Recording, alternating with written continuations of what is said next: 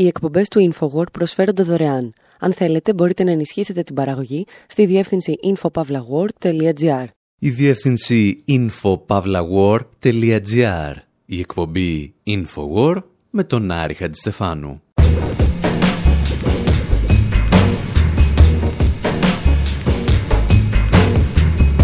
Όπου σήμερα επιστρέφουμε στη Βενεζουέλα για να σας δώσουμε μια hip-hop γεύση της ιστορίας της και μια γεύση από την ιστορία της hip-hop.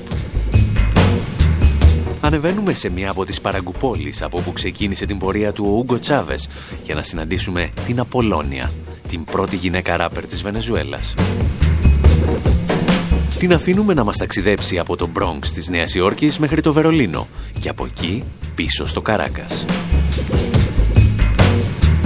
Αναρωτιόμαστε εάν τελικά η ραπ είναι η μουσική των πλούσιων που αντιγράφουν τους φτωχούς ή η μουσική των φτωχών που θα έπρεπε να μισούν λίγο περισσότερο τους πλούσιους. Και όπως καταλαβαίνετε, αυτή είναι μία ακόμη πρόγευση από το ντοκιμαντέρ Make the Economy Scream, το οποίο πραγματοποιούμε αποκλειστικά χάρη στη δική σας ενίσχυση. Και στο τέλος της εκπομπής θα σας πούμε και κάνα δυο κουβέντες για την πορεία των γυρισμάτων και του μοντάζ.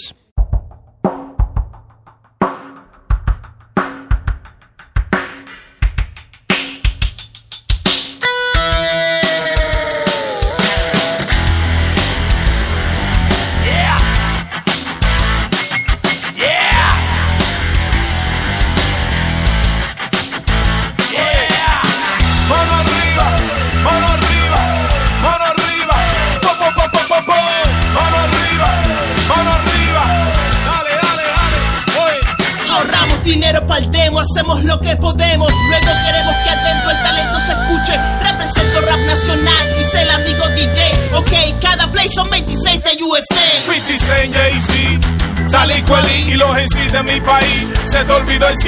Así no creo en ti, no hay hip sin hop de aquí. Aquí diferente, a New York City. En inglés suena bonito, en nuestra lengua se entiende mejor. Respeto por lo tuyo, DJ. Lo nuestro Original, nacional, como el tema sandunguera. Yo quisiera que lo oyera, pero tú pones de afuera. De veras calidad y diversidad tiene mi rap. El de Yuma está bueno y el nuestro que volaje. Rap nacional Chile, Colombia, rap nacional, México, Brasil, rap nacional, Dominicana, Puerto Rico, Venezuela y Cuba, sin duda rap nacional, Fuerza Capaz, Latinoamérica, rap de verdad, Latinoamérica, nación en Norteamérica, ahora vive en Latinoamérica. Así que ven, men, enganchate al tren. DJ, por favor, ponme el tema de mi friend. Saben, no lo ponen, autotune nuestro bien. Es barrera lo nuestro vale también. Si quieren, como ven, esto es loco fresco amigo. No tiene sentido copiar Estados Unidos. Aguerrido, sonido, latinos, unidos, elegidos como templo. Amén el movimiento.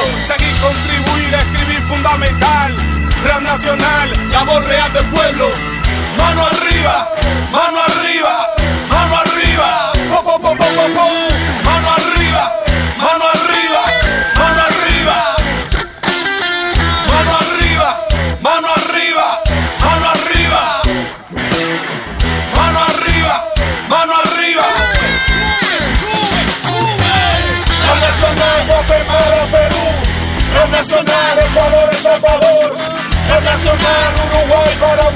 Argentina, Honduras, Costa Rica, tú sabes, mira. Fuerza capaz, Latinoamérica.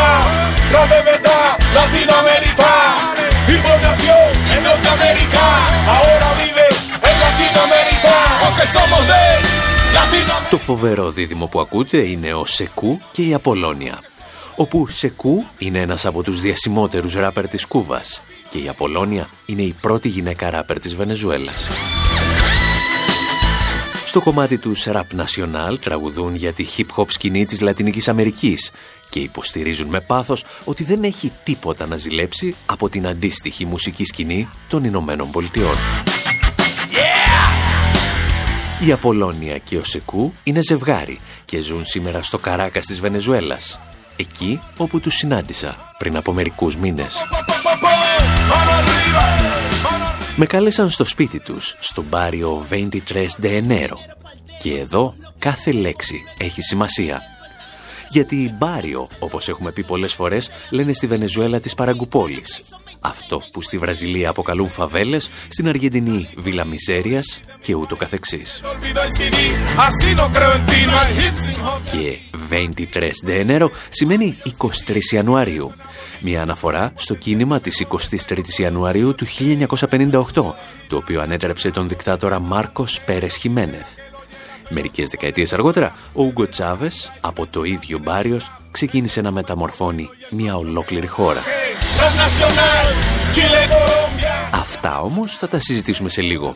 Γιατί προς το παρόν κάθομαι μπροστά στην Απολώνια και τον Σεκού, ετοιμάζω τις κάμερες και τα μικρόφωνα και όπως συμβαίνει συχνότατα, κάνω την λάθος ερώτηση. Εσάς λέω, πώς σας ήρθε να ασχοληθείτε με τη hip-hop αντιγράφοντας μια μουσική σκηνή που γεννήθηκε στις Ηνωμένες Πολιτείες; Hip-hop as it was conceived in New York, in the Bronx, at its very beginning, το hip hop, όπως πρωτοξεκίνησε στο Bronx, στη Νέα Υόρκη, δημιουργήθηκε από πολλούς μετανάστες από τη Λατινική Αμερική και κυρίως από τη Βενεζουέλα. Οπότε ήμασταν εκεί από την αρχή. Αυτό είναι το βασικό επιχείρημα απέναντι σε όσους μας λένε ότι η hip hop είναι μια ξένη κουλτούρα. Δεν είναι ξένη. Την εφήβραμε εμείς, όπως και οι Τζαμαϊκανοί, οι Κουβανοί, οι Πορτορικάνοι, οι Δομινικανοί, οι Μεξικανοί και οι Μαύροι των Ηνωμένων Πολιτειών. Γιατί αυτοί οι άνθρωποι ήταν αποκλεισμένοι στη Νέα Υόρκη και ζούσαν μια κόλαση εκεί. Άρα ήμασταν εκεί από την αρχή. So um, we were there from the beginning.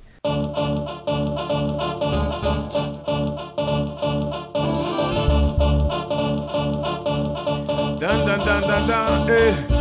Música del alma un día me atrapó, se enganchó de mi voz y los ojos me abrió. A otros como yo también le sucedió. Hallaron un medio que su medio cambió y salió. Otro tema nació, otro poema venció, el dilema creció. Queda la triste pena de gente buena que por razones quedó. Sigo planta contigo como el sonido en tu oído de un latido, depresión, emoción, sentimiento. Μπορεί βέβαια η Λατινική Αμερική να βρίσκονταν στο Bronx όταν γεννιόταν η hip hop, το συγκεκριμένο καλλιτεχνικό ρεύμα όμως θα επιστρέψει με αμερικανικό μανδύα στο νότο της Αμερικανικής Υπήρου. When did we start to do it here? I think it was shortly after. Πότε αρχίσαμε να ασχολούμαστε με το hip hop στη Βενεζουέλα; Νομίζω ήταν λίγο μετά τη γέννησή uh, της. Η hip hop υπάρχει εδώ και περισσότερα από 45 χρόνια. Πριν από 35 με 40 χρόνια είχαμε τα πρώτα B-Boys που άρχισαν να έρχονται από τις Ηνωμένες Πολιτείες και να συμμετέχουν σε εκπομπές της τηλεόρασης στη Βενεζουέλα.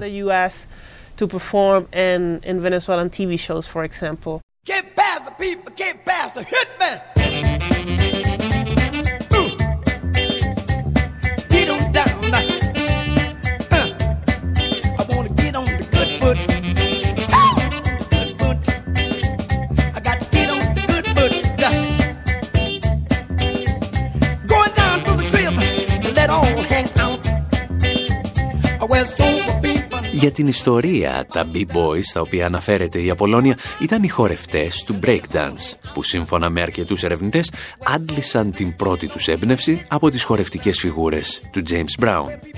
Και συγκεκριμένα από τον τρόπο που χόρευε στο τραγούδι του Get on the Good Food, το οποίο ακούμε.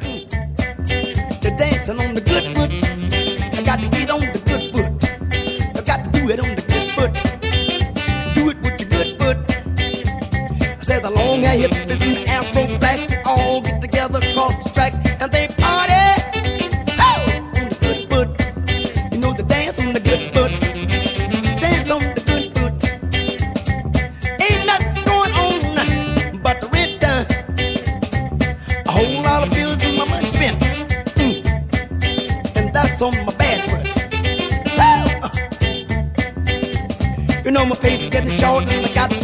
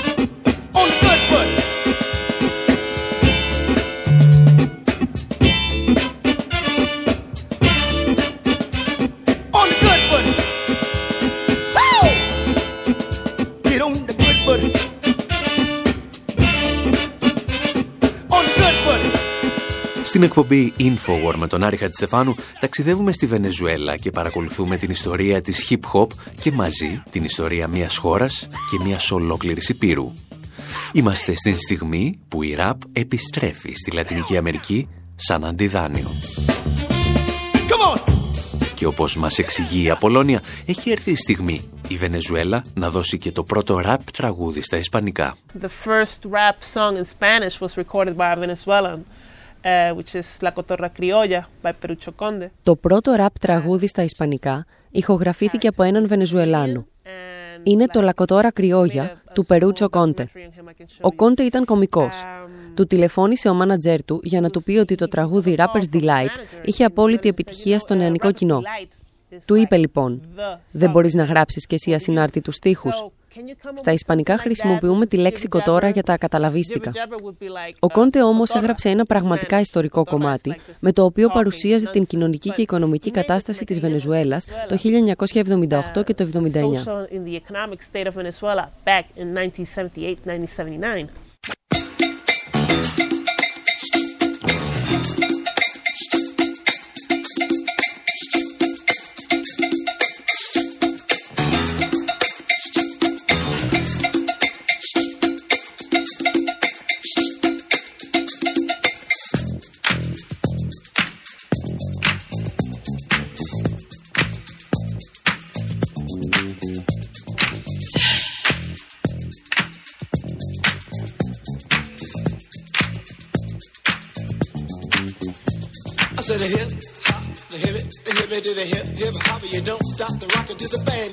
Say up jump the boogie to the rhythm of the boogie to beat.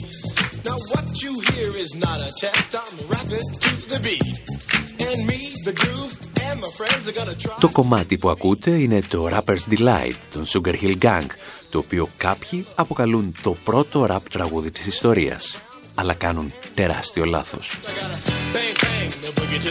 Το Rapper's Delight είναι απλώς το πρώτο τραγούδι που θα φέρει την ραπ σε ένα ευρύτερο ακροατήριο το 1979 και πάνω στον ίδιο ρυθμό θα στηθεί και το «Λακοτόρα Κρυόγια» του Περούτσο Κόντε. Κυρίες και κύριοι, το πρώτο ραπ τραγούδι στα Ισπανικά από έναν Βενεζουελάνο κομικό.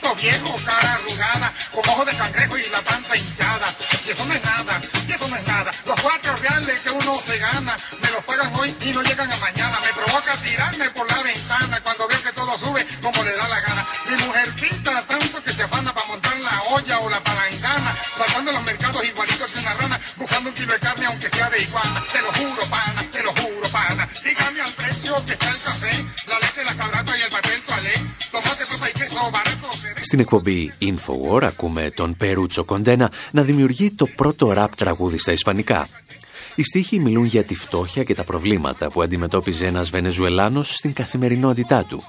Και βρισκόμαστε, αν θυμάστε, σχεδόν 20 χρόνια πριν κάνει την εμφάνισή του ο Ούγκο Τσάβες.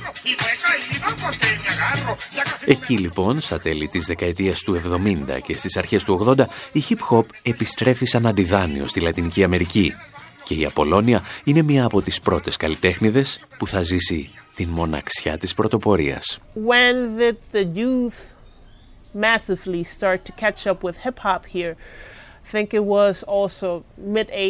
Η νεολαία άρχισε να παρακολουθεί τη hip hop σκηνή εδώ, νομίζω στα μέσα της δεκαετίας του 80, όταν πολλοί άρχισαν το breakdance, όπως λέγεται σήμερα.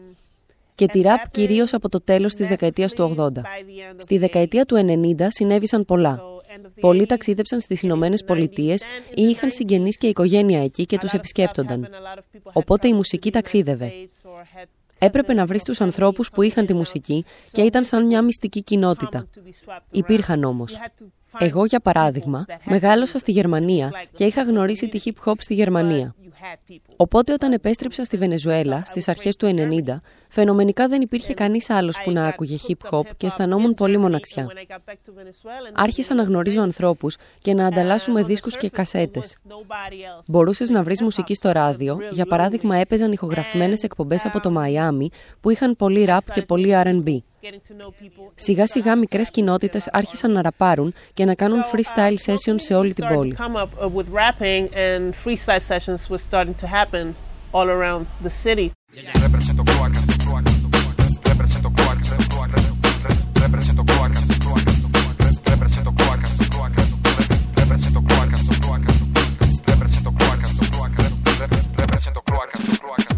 Esto no es película, es algo de la realidad ridícula que vivimos como persona particular de este universo sociedad específica que utiliza sistemas arcaicos, desmoronando ciudades enteras, dejándolas en polvo después de quemarse en candela. Pues así es Venezuela.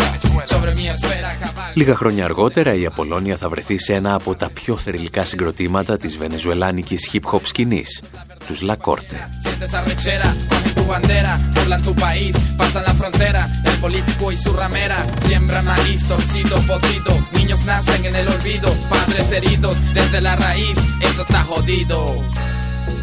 Cédula en mano, llegó el ciudadano, represento Coacas y a todos mis hermanos. No es en vano, no es en vano, no es en vano, no es en vano, no es en vano, no es en vano. Yo, yo, cédula en mano, llegó el ciudadano, represento Coacas y a todos mis hermanos. No es en vano, no es en vano, no es en vano, no es en vano, no es en vano, no es en vano. Yo. Η hip hop στη Βενεζουέλα θα ακολουθήσει ίσως την αντίστροφη πορεία από την μουσική σκηνή των Ηνωμένων Πολιτειών. Η ραπ γεννιέται όπως είδαμε στο Bronx από κοινότητες μαύρων αλλά και ισπανόφωνων που ζουν στο πετσί τους στον κοινωνικό αποκλεισμό. Αρκετά χρόνια αργότερα όμως θα εξελιχθεί σε μια γιγαντιαία μουσική βιομηχανία που θα απευθύνεται και στα μεσαία και τα ανώτερα στρώματα. Αντίθετα, στη Βενεζουέλα, οι πρώτοι που έχουν τη δυνατότητα να την παρακολουθήσουν προέρχονται συνήθως από τα ανώτερα εισοδηματικά στρώματα. Είναι όπως λέει η Απολώνια οι κάτοικοι των ανατολικών συνοικιών του Καράκας.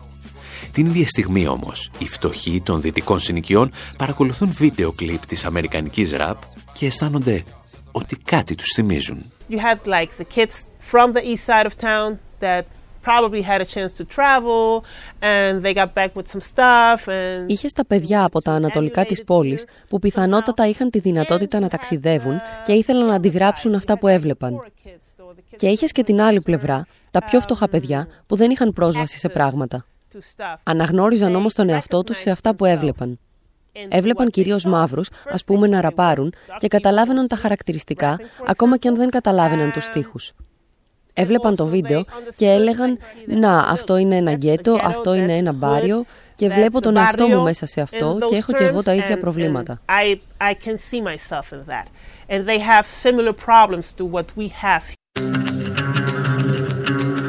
Οι φτωχοί αρχίζουν να βλέπουν τον εαυτό τους στη ραπ και εκείνη την εποχή κάποιος θα δει τον εαυτό του στους φτωχούς και χωρίς ίσως να το καταλάβει θα αλλάξει και την ιστορία της hip-hop σκηνής στη Βενεζουέλα. Τον έλεγαν Ούγκο Τσάβες και θα μιλήσουμε γι' αυτόν σε λίγο.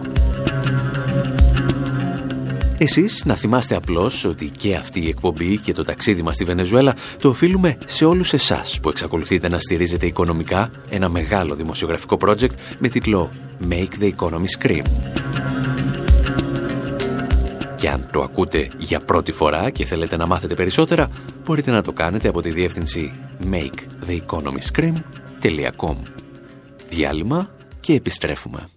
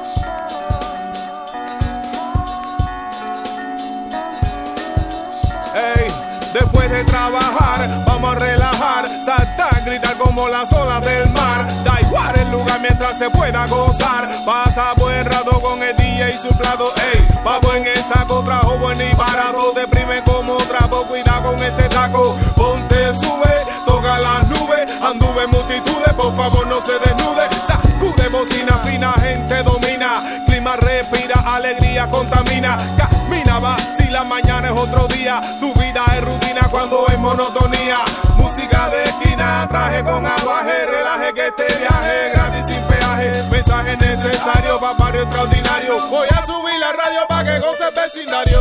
Ya salté y no fue para robarte la cartera. ¡Pum! Las manos donde yo la vea. Esto bota afuera, candela que te quema. ¡Pum! Las manos donde yo la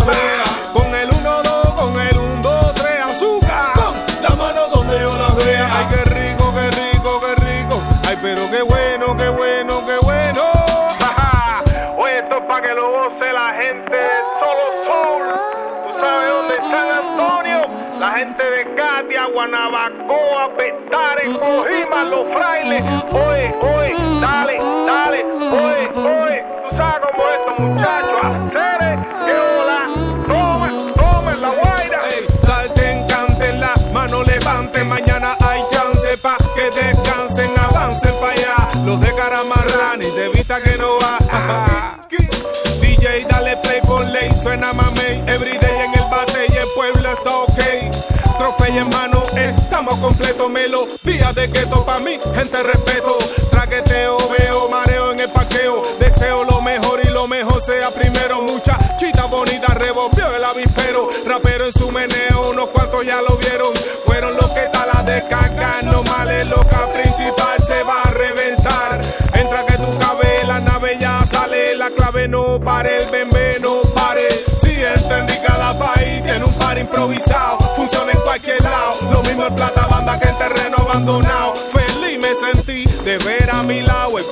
acelerado con volumen activado. Ay, pero qué rico, qué rico, qué rico. Ay, pero qué bueno, qué bueno, qué bueno. Ah, toma, toma, ya. Ya no fue para robarte la cartera. ¡Pum! Las manos donde yo las vea. Esto bota afuera, candela que te quema. ¡Pum! Las manos donde yo la vea. Con el 1, 2, con el 1, 2, 3. ¡Pum! Las manos donde yo la vea.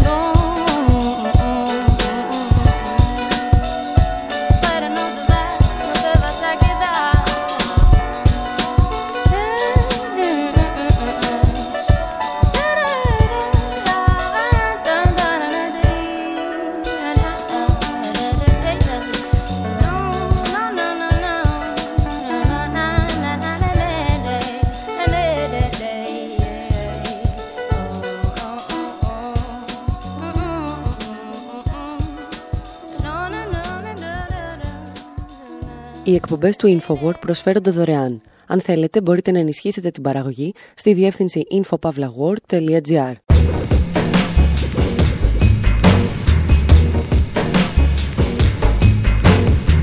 Εκπομπή InfoWord, μέρος δεύτερο.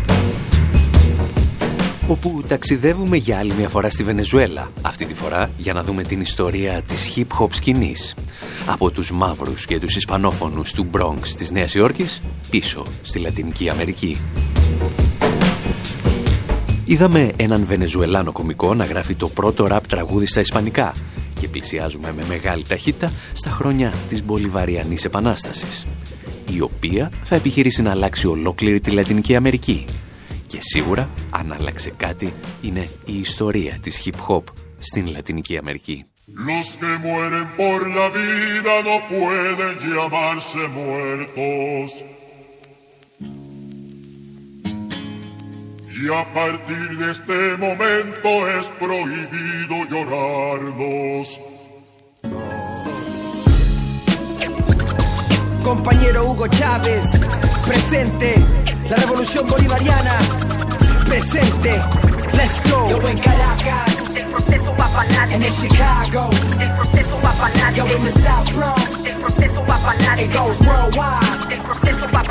I can't front, I'm upset that they took our building. Next thing, the comandante, man, I know they killed them. Something going on, I gotta read the signs. Something telling me that it's about that time.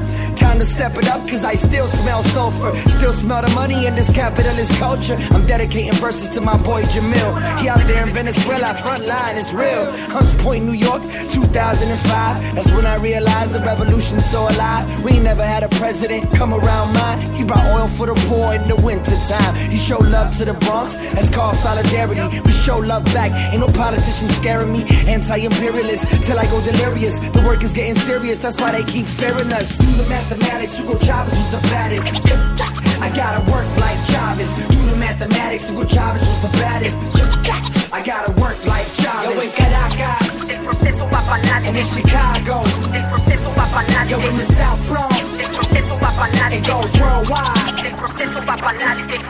This movement ain't. La lucha sigue. Dentro de todos esa rebeldía existe. La CIA comete crimen, igual las ideas viven. Aquí el pueblo decide, no lo que los medios dicen. Quieren parar una cultura alternativa. Fíjate desde el Bronx hasta América Latina. Capitalistas van, capitalistas vienen. Buscan tus bienes, quieren hacer lo que quieren. Ahora decimos no, no al imperialismo, neoliberalismo. Los bancos, los ricos. Ni un millonario, Chávez fue solidario. Ni Bush ni Obama llegaron a ayudarnos. No lo olvidamos más que venezolano. Esto cruza fronteras, hijo bolivariano. América Unida, como creamos ese frente. Solidaridad por todo el continente. Do the mathematics, Hugo Chavez was the baddest. I gotta work like Chavez. Do the mathematics, Hugo Chavez was the baddest. I gotta work like Chavez. Yo en Caracas, el proceso va para adelante. And in Chicago, el proceso va para adelante. Yo in the South Bronx, el proceso va para. It goes worldwide, el proceso va para adelante.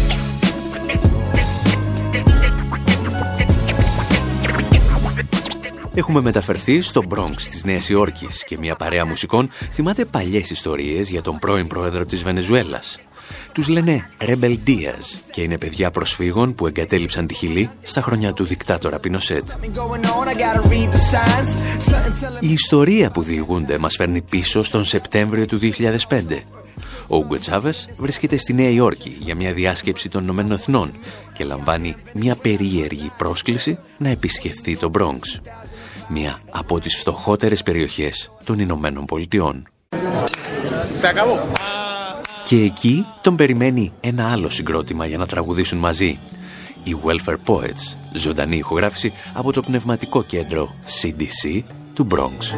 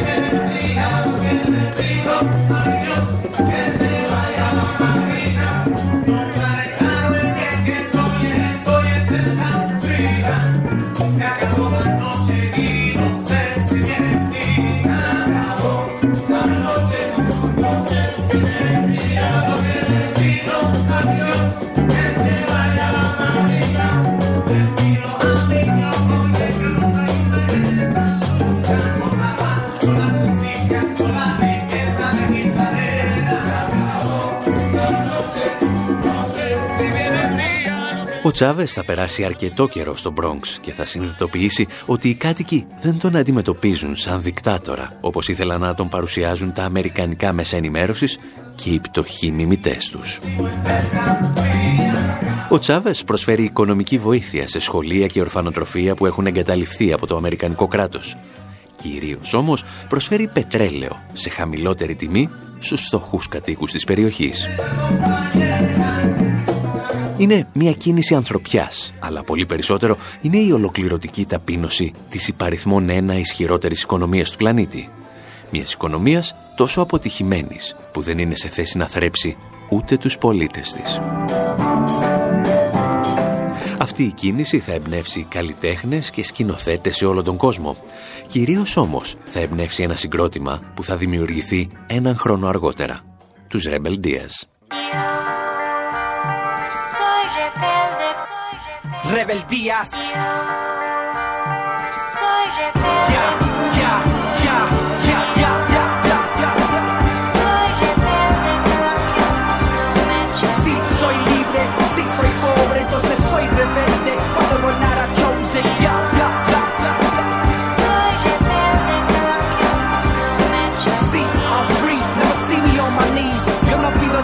Η παρέα του Bronx θα ανταποδώσει αυτή την έμπνευση από τον Τσάβες αρκετές φορές.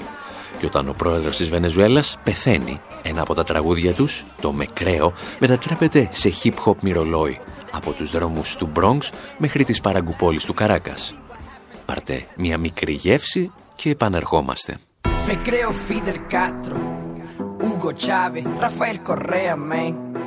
Evo Morales, Simón Bolívar soy, soy Salvador Allende, soy hip hop combatiente y rebelde. Me creo Fidel Castro, Hugo Chávez, Rafael Correa, man. Evo Morales, Simón Bolívar soy, soy Salvador Allende, soy hip hop combatiente y rebelde. Lo que pasó en Honduras, man, eso fue un golpe. Los gringos lo pagaron, man, dinero en el sobre. En Ecuador lo que intentaron fue un golpe, un golpe que falló, le dieron golpes al golpe. El tiempo que explique lo que pasa en mi tierra, volvió la dictadura en la forma de piñera. Él es un piraña que ataca a los por eso grito marichihueo para que escuchen. Esto para la CIA, men, sus manos están con sangre, quítense el camuflaje, ustedes son cobardes, los pobres tienen hambre y los ricos son almuerzos. Seamos Rafael, cancelen todos los congresos. Si todos somos Marcos, seamos como el Marco, seamos zapatistas en nuestros propios barrios. Si no somos mentira y solo somos rappers, el tiempo es ahora, hay que tomar, tomar action. Me creo Fidel Castro, Hugo Chávez, Rafael Correa, man. Evo Morales, Simón Bolívar, soy, soy Salvador Allende, soy hip hop combatiente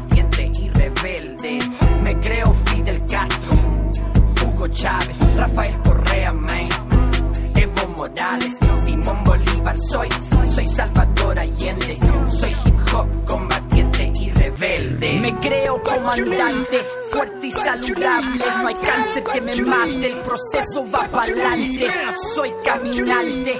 Parte del pueblo, consejos comunales, organizando base. Hace tu camino, controla tu destino. Hacia una buena vida. Hay que vivirla digna. Las cifras indican un futuro difícil. Misiles y guerra, más gente. Το Bronx λοιπόν, εκεί όπου γεννήθηκε η hip hop, θρύνησε με τον δικό του τρόπο το θάνατο του Προέδρου της Βενεζουέλας. Ο ίδιος όμως είχε καλλιεργήσει τον σπόρο της hip hop, ο οποίος είχε πλέον αναπτυχθεί μέσα στο ίδιο το Καράκας. Όταν ο Τσάβες θα έρθει στην εξουσία, η βενεζουελάνικη hip hop δεν έχει βρει ακόμη τον πολιτικό στίχο που θα την χαρακτηρίσει για τις επόμενες δεκαετίες. Όλα αυτά όμως, μου εξηγούσε η ράπερα Πολώνια, θα αλλάξουν μέσα σε λίγα χρόνια. Before the um, Bolivarian revolution, Πριν από την Πολυβαριανή Επανάσταση, πριν γνωρίσουμε τον Τσάβες το 1992, ήταν μια δύσκολη περίοδος για τη χώρα. Από τα τέλη της δεκαετίας του 80 μέχρι τις αρχές της δεκαετίας του 90 ήταν μια πραγματικά δύσκολη περίοδος. Υπήρχαν πολιτικοί στίχοι, αλλά όχι όπως τώρα. Δεν θυμάμαι δηλαδή κόσμο από τη δική μου γενιά που να είναι τόσο πολιτικοποιημένος όσο είναι τώρα οι νέοι. Η κοινωνική αδικία ήταν πάντα ένα θέμα. Και αυτό το πήραμε από το Bronx. Αυτό που συνέβη στο Bronx έγινε λόγω της κοινωνικής αδικίας. Το μεταφέραμε στις δικές μας συνθήκες. Και αυτό υπήρχε σε κάποιους στίχους. Όχι σε όλους, αλλά σε κάποιους. Εμείς, ας πούμε, είχαμε στίχους για την αστυνομική βαναυσότητα. Για το ότι πρέπει, ας πούμε, να προχωράς μπροστά ό,τι και αν συμβαίνει γύρω σου. Είχαμε στίχους για την ομιμοποίηση της μαριχουάνα. Τα είχαμε όλα αυτά και τα είχαν και άλλοι επίσης.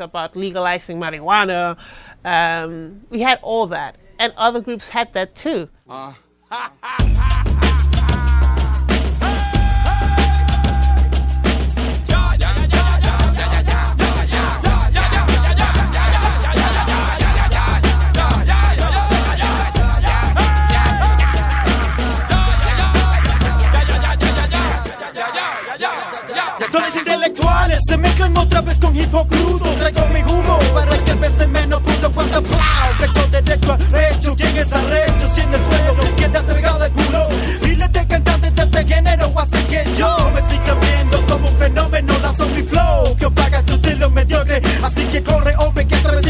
masacre Y no hay duda que con mi música te cura Censura es lo que he hecho yo con mi literatura Es lo que traigo con mi locura Que me caracteriza de frente y con Το συγκρότημα στο οποίο συμμετείχε η Απολώνια, η Λακόρτε, είχε λοιπόν αναφορές σε κοινωνικά ζητήματα. Όπως και στην υπόλοιπη hip-hop σκηνή όμως, αυτά αποτελούσαν κυρίως μια αντανάκλαση των στίχων που έβρισκες σε αμερικανικά συγκροτήματα της εποχής. Με την άνοδο όμως του Ούγκο Τσάβες στην εξουσία, η πολιτική εισβάλλει στην τέχνη και η τέχνη της πολιτικής αποκτά τις δικές της ρήμες. Chavez understood very well the power of hip hop as culture. And, and I can honestly say that Ο Τσάβες αντιλήφθηκε πολύ καλά τη δύναμη της hip hop κουλτούρας. Και λέω ειλικρινά ότι πριν από το 1998 η στήριξη των πειραματισμών της νεολαίας ήταν πολύ μικρή. Κάθε μορφή έκφρασης μέσω της τέχνης περιοριζόταν. Οι skaters κατέληγαν στη φυλακή, οι καλλιτέχνες του γκράφιτι κατέληγαν στη φυλακή, οι rappers κατέληγαν στη φυλακή, οι ακροβάτες επίσης. Αυτό άλλαξε γιατί ο Τσάβε ήταν έξυπνος και κατάλαβε. Και προσπάθησε να το εκμεταλλευτεί και ήθελε ο κόσμος να έρθει στην Επανάσταση μέσω της hip-hop.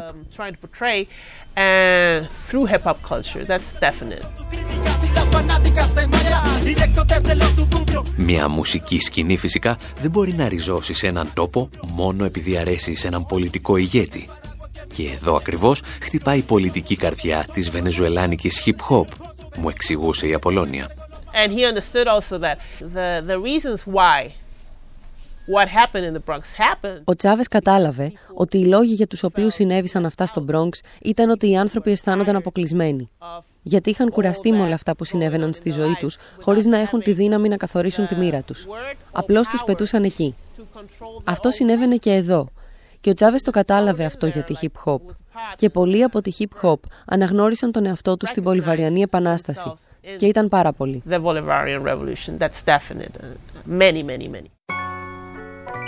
Yeah, yeah. Apolonia.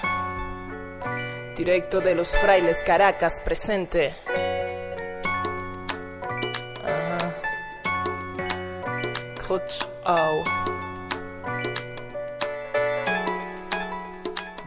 La noche cae sin piedad, es el ocaso de un día de frustraciones poblado de ansias y de malicias. El malandreo se siente aún en el menos fuerte que tú menos te esperas. Te jode y se desentiende. Hablo de supervivencia, pues esto es lo que me toca. Pienso en los tiempos mejores, el cuyo anhelo me ahoga.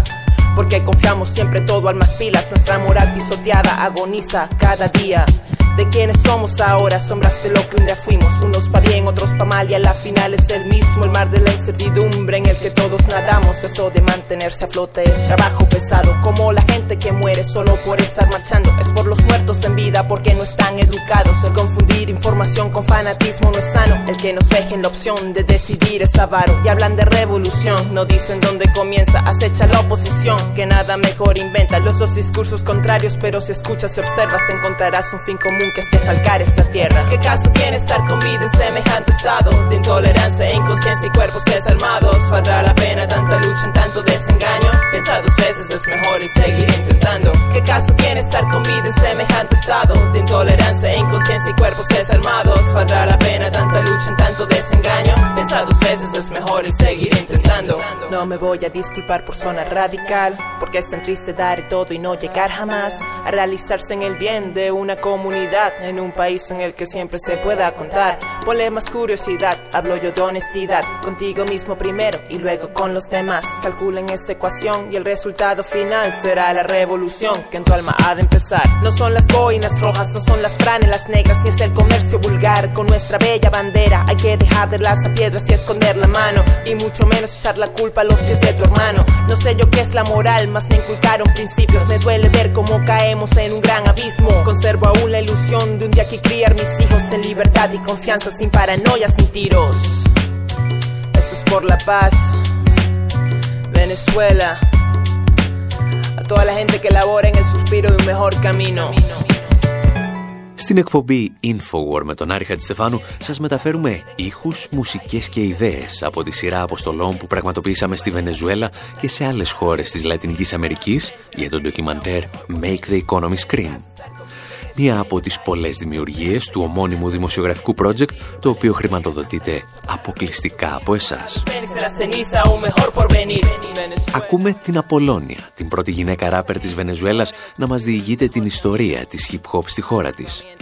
Και έχουμε φτάσει στο σημείο όπου ο πολιτισμός των φτωχών συναντά την κρατική ενίσχυση. Η στιγμή που η hip-hop απογειώνεται στη Βενεζουέλα. There's a collective that came that came along called Hip Hop Revolution, uh, which is a collective which I started. Υπήρχε μια κολεκτίβα, η Hip Hop Revolution, την οποία ξεκίνησα εγώ στις αρχές της δεκαετίας του 2000. Η κολεκτίβα έγινε τόσο μεγάλη που άρχισαν να διδάσκουν το hip hop σε 36 σχολεία σε όλη τη χώρα. Δίδασκαν τα εργαλεία του hip hop, το πώς να χρησιμοποιείς την κάμερα, πώς να τα επεξεργάζεσαι, πώς να ραπάρεις, πώς να χρησιμοποιείς το λόγο για να αναλύεις πολιτικές καταστάσεις.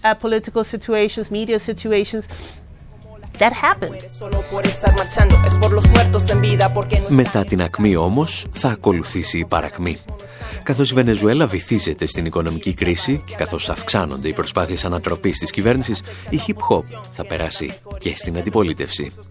Κάποιες φορές σαν γνήσια φωνή των ανθρώπων που αντιδρούν και κάποιες άλλες φορές σαν σκληρή πληρωμένη προπαγάνδα. Στην πρώτη περίπτωση της υγιούς κριτικής πιστεύουμε ότι ανήκει και το κομμάτι La Carta Magna. Ο NK Προφέτα παρακολουθεί τις μαθητικές κινητοποιήσεις του 2014 και καλεί τον Σιμών Μπολίβαρ να επιστρέψει στη Βενεζουέλα για να δει τη σημερινή της εικόνα. Τον ακούμε και τον σχολιάζουμε.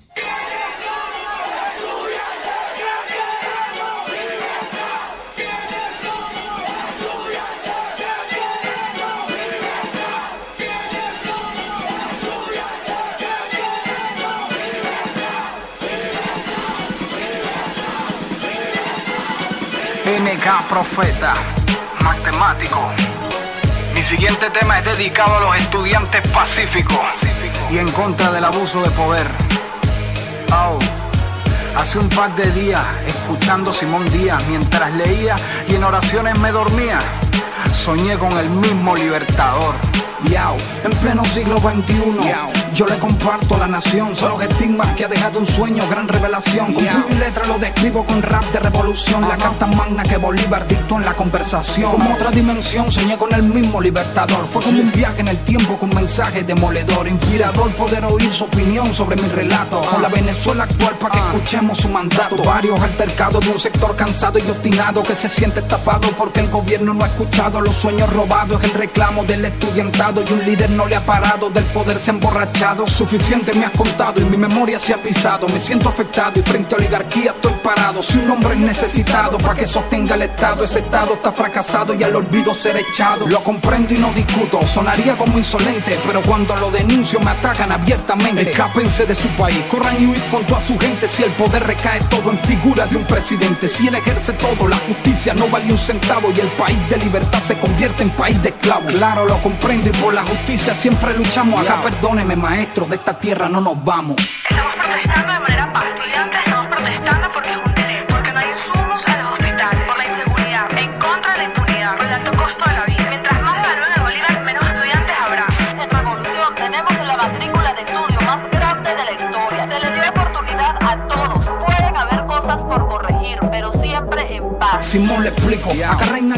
Ο NK Προφέτα δίνει το λόγο σε μαθητές που διαμαρτύρονται το 2014. Στο τραγούδι του δεν τους ακούμε να αμφισβητούν όσα προσέφερε στην παιδεία και στη χώρα η Μπολιβαριανή Επανάσταση. Τους ακούμε όμως να ζητούν τη συνέχιση και την εμβάθυνσή τους. Κυρίως όμως ετοιμάζονται να βιώσουν την κατάρρευση που θα έρθει μαζί με την οικονομική κρίση στα χρόνια του Νικολάς Μαδούρο. Presión tras un cañón. Sin el honor no existe guía. Laberinto en revolución. Maldita sea del soldado que apunta para su nación. En la incapacidad, maestro, de brindarse. Εκείνες τις κινητοποιήσεις του 2014 όμως θα εκμεταλλευτούν και οι δυνάμεις της δεξιάς και της άκρας δεξιάς που επιχειρούν για άλλη μια φορά να ανατρέψουν μια δημοκρατικά εκλεγμένη κυβέρνηση. Gobierno y su oposición. Pueblo ignorante, presa fácil. Και από αυτό το σημείο και μετά η hip hop που είχε μετατραπεί σε όπλο των αδικημένων μετατρέπεται σε ένα κομματικό εργαλείο μιας βρώμικης σύγκρουσης. Μικρόφωνο και πάλι στην Απολώνια. There were songs coming from, from the opposition. There were songs paid for by the opposition uh, because they play that game too. That's Υπήρχαν very τραγούδια από την αντιπολίτευση, γιατί έπαιξαν και αυτοί αυτό το παιχνίδι. Αλλά δεν νομίζω ότι υπήρξε πολιτική μάχη, γιατί αυτοί που βρίσκονταν στην πλευρά του Τσάβες ήταν πολύ περισσότεροι. Η δεξιά άρχισε να το εκμεταλλεύεται με καθυστέρηση. Άρχισαν να κάνουν συσκέψεις και να χρησιμοποιούν τους hip-hop μουσικούς στις εκστρατείες τους, αλλά τους πλήρωναν. Αν το σκεφτείς, λες εντάξει, έπρεπε να δουλέψουν για να έχουν να φάνε. Και δεν ντρέπονται, δεν έχουν ιδανικά. Αν η μόνη τους αξία είναι ότι δεν έχω ιδανικά αλλά πρέπει να φάω, εγώ πρέπει να το σεβαστώ. Δεν ξέρω. Do I have to respect it? I don't know, but it's their reality, not mine. Un pueblo analfabeto porque un hombre sin estudios es un ser incompleto. Ya lo sabemos, tu ideal. Η παρακμή όμως δεν θα έρθει μόνο από την δεξιά που πληρώνει ράπερ για να κάνει αντιπολίτευση. Άλλοι καλλιτέχνες θα μετατραπούν σε φερέφωνα της κυβέρνησης και θα προσφέρουν τις υπηρεσίες τους σε ανθρώπους που δεν τους καταλαβαίνουν. And then the time came when people that were working with Chavez that didn't understand. Ύστερα ήρθε η εποχή που ο κόσμος που δούλευε με τον Τσάβες και δεν καταλάβαινε τη hip-hop αλλά ήξερε ότι του αρέσει, προσπάθησε να την αξιοποιήσει. Αλλά ποτέ δεν την κατάλαβε πραγματικά. Και τότε τα πράγματα έγιναν πολύ άσχημα. Μα τι κάνεις; Η πολιτική και ο τρόπος με τον οποίο συνδέεται μαζί της η hip-hop είναι ένα θέμα. Αλλά ο τρόπος που θέλεις να κάνεις πολιτική με τη hip-hop είναι no-go. Και πολλοί έκαναν πίσω γιατί αισθάνονταν ότι τους χρησιμοποίησε το σύστημα. Άλλοι βγήκαν μπροστά και είπαν «OK, τώρα είναι η σειρά μου». And those are the ones that are actually shining right now with it. Η βενεζουελάνικη hip-hop σκηνή θα ακολουθήσει τελικά μια σουρεαλιστική πορεία, όπως και όλα τα πράγματα στη Βενεζουέλα. Εισάγεται στη χώρα από τα μεσαία και ανώτερα στρώματα, αλλά γρήγορα γίνεται η φωνή των αδικημένων. Γνωρίζει τρομακτική ανάπτυξη χάρη και στην οικονομική ενίσχυση που προσφέρει ο Ούγκο Τσάβες, αλλά στα χρόνια της κρίσης χάνει κάτι από την νεανική της επαναστατικότητα. Και τότε ίσως αρχίζει να θυμίζει περισσότερο αυτό από το οποίο ξεκίνησε, την παρεκμασμένη πλέον σκηνή της αμερικανικής hip-hop. Εμείς όμως κάπου εδώ θα σας αφήσουμε να τα χωνέψετε όλα αυτά. Ήταν μία ακόμη πρόγευση από το ντοκιμαντέρ Make the Economy Scream, το οποίο ετοιμάζουμε αποκλειστικά χάρη στη δική σας οικονομική βοήθεια. Όπως ίσως θα έχετε καταλάβει, έχουμε μείνει λίγο πίσω στο χρονοδιάγραμμα παράδοσης. Και από τα τέλη του 2018 που είχαμε υποσχεθεί, περνάμε στις αρχές του 2019. Πιστεύουμε όμως ότι αξίζει τον κόπο, καθώς παράλληλα με το μοντάζ προσθέτουμε και μερικές ακόμη σημαντικές συνεντεύξεις. Και αν θέλετε να γίνετε και εσείς συμπαραγωγή σε αυτή τη μεγάλη περιπέτεια, μπορείτε να το κάνετε από τη διεύθυνση maketheeconomyscream.com και φυσικά από το info pavlawar.gr. Μέχρι πάντως την επόμενη εβδομάδα, από τον Άρη Χατζηστεφάνου στο μικρόφωνο, την Μυρτώ Σιμεωνίδου σε μεταφράσεις και αποδόσεις και τον Δημήτρη Σταθόπουλο στην Γενική Τεχνική Επιμέλεια, γεια σας και χαρά σας.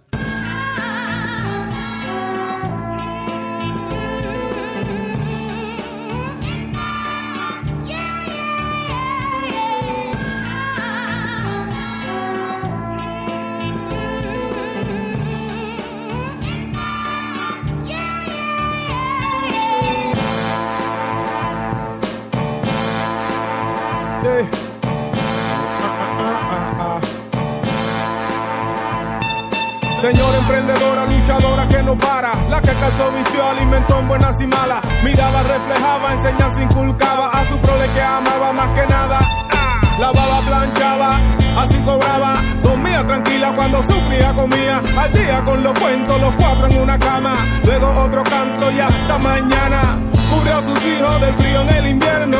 No esperó lo que prometió el gobierno. Eterno cuaderno listo para recordar como agua de tinaja su nevera natural. Cocinar con leña se empeña esta mujer. Hacer el mejor guiso que se pudo conocer. Ey, año tras año, cuando años cumplía, decía: Mi familia unida cada día. Ey, estás aquí presente en mi alma, corazón y mente. Gracias a ti entendí que es una mujer valiente. Tu mano fueron mi mayor fortuna. Tú mi estrella me abraza bajo luna. Eres mi jardín celestial. Eh, ah, ni llanto ni espanto, otra mujer soltera. Ella puso escalera, eliminó la gotera. De madera a su casa, entra, en pasa una taza de café. ¿Qué tal? ¿Cómo está usted? Su manera peculiar de contar aquel lugar donde nació. Quizás Dios la escuchó cuando pidió fuerzas inmensas en la sala de urgencia. La ciencia sirvió, su creencia funcionó. Regresó con ánimo, cantó al ánimo. Abrazó a sus hijos, dijo regrese al camino. Bello semblante, madre elegante, radiante, son la campante con sus infantes. Ahora pa'lante, sigue, vive, inclusive. Recuerda aquellos días que tenía para comprar solo un par de zapatos baratos. Tú sabes, a jugar descalzo todo el rato. Estás aquí presente en mi alma, corazón y mente. Gracias a ti entendí que es una mujer valiente. Tu mano fueron mi mayor fortuna. Tú mi estrella me abraza bajo luna. Eres mi jardín celestial. Así que, señora emprendedora, luchadora de la vida, perdió su vida cuando nació su hija. Mujer que toma la difícil decisión de entregar en adopción a su bebé por no tener condición. El corazón de otra mujer feliz a sentir el calor de la bebé que no puede salir de su vientre. Siente que es suya desde siempre, aunque haya nacido en otro vientre. Hey, adolescentes no se protegieron, ahora son madre niña desde luego. A las que abusaron de su virginidad, que responderá cuando pregunte quién es mi papá. Bombas, disparos, miradas, espanto, un llanto de madre diciendo hasta cuándo. Dedicación especial a todas las madres del mundo. Sube, sube, para mi madre y la madre de cada hijo.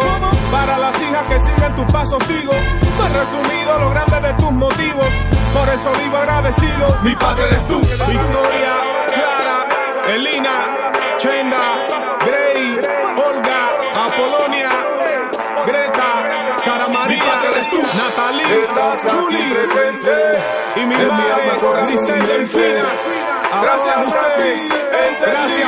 existir, gracias. Tu mano fueron mi mayor fortuna, tú mi estrella me abraza bajo luna, eres mi jardín celestial. Jamás te voy a olvidar, estás aquí presente, en mi alma, corazón y mente. Gracias a ti entendí que es una mujer valiente. Tu mano fueron mi mayor fortuna, tú mi estrella me abraza bajo luna, eres mi jardín celestial. Jamás te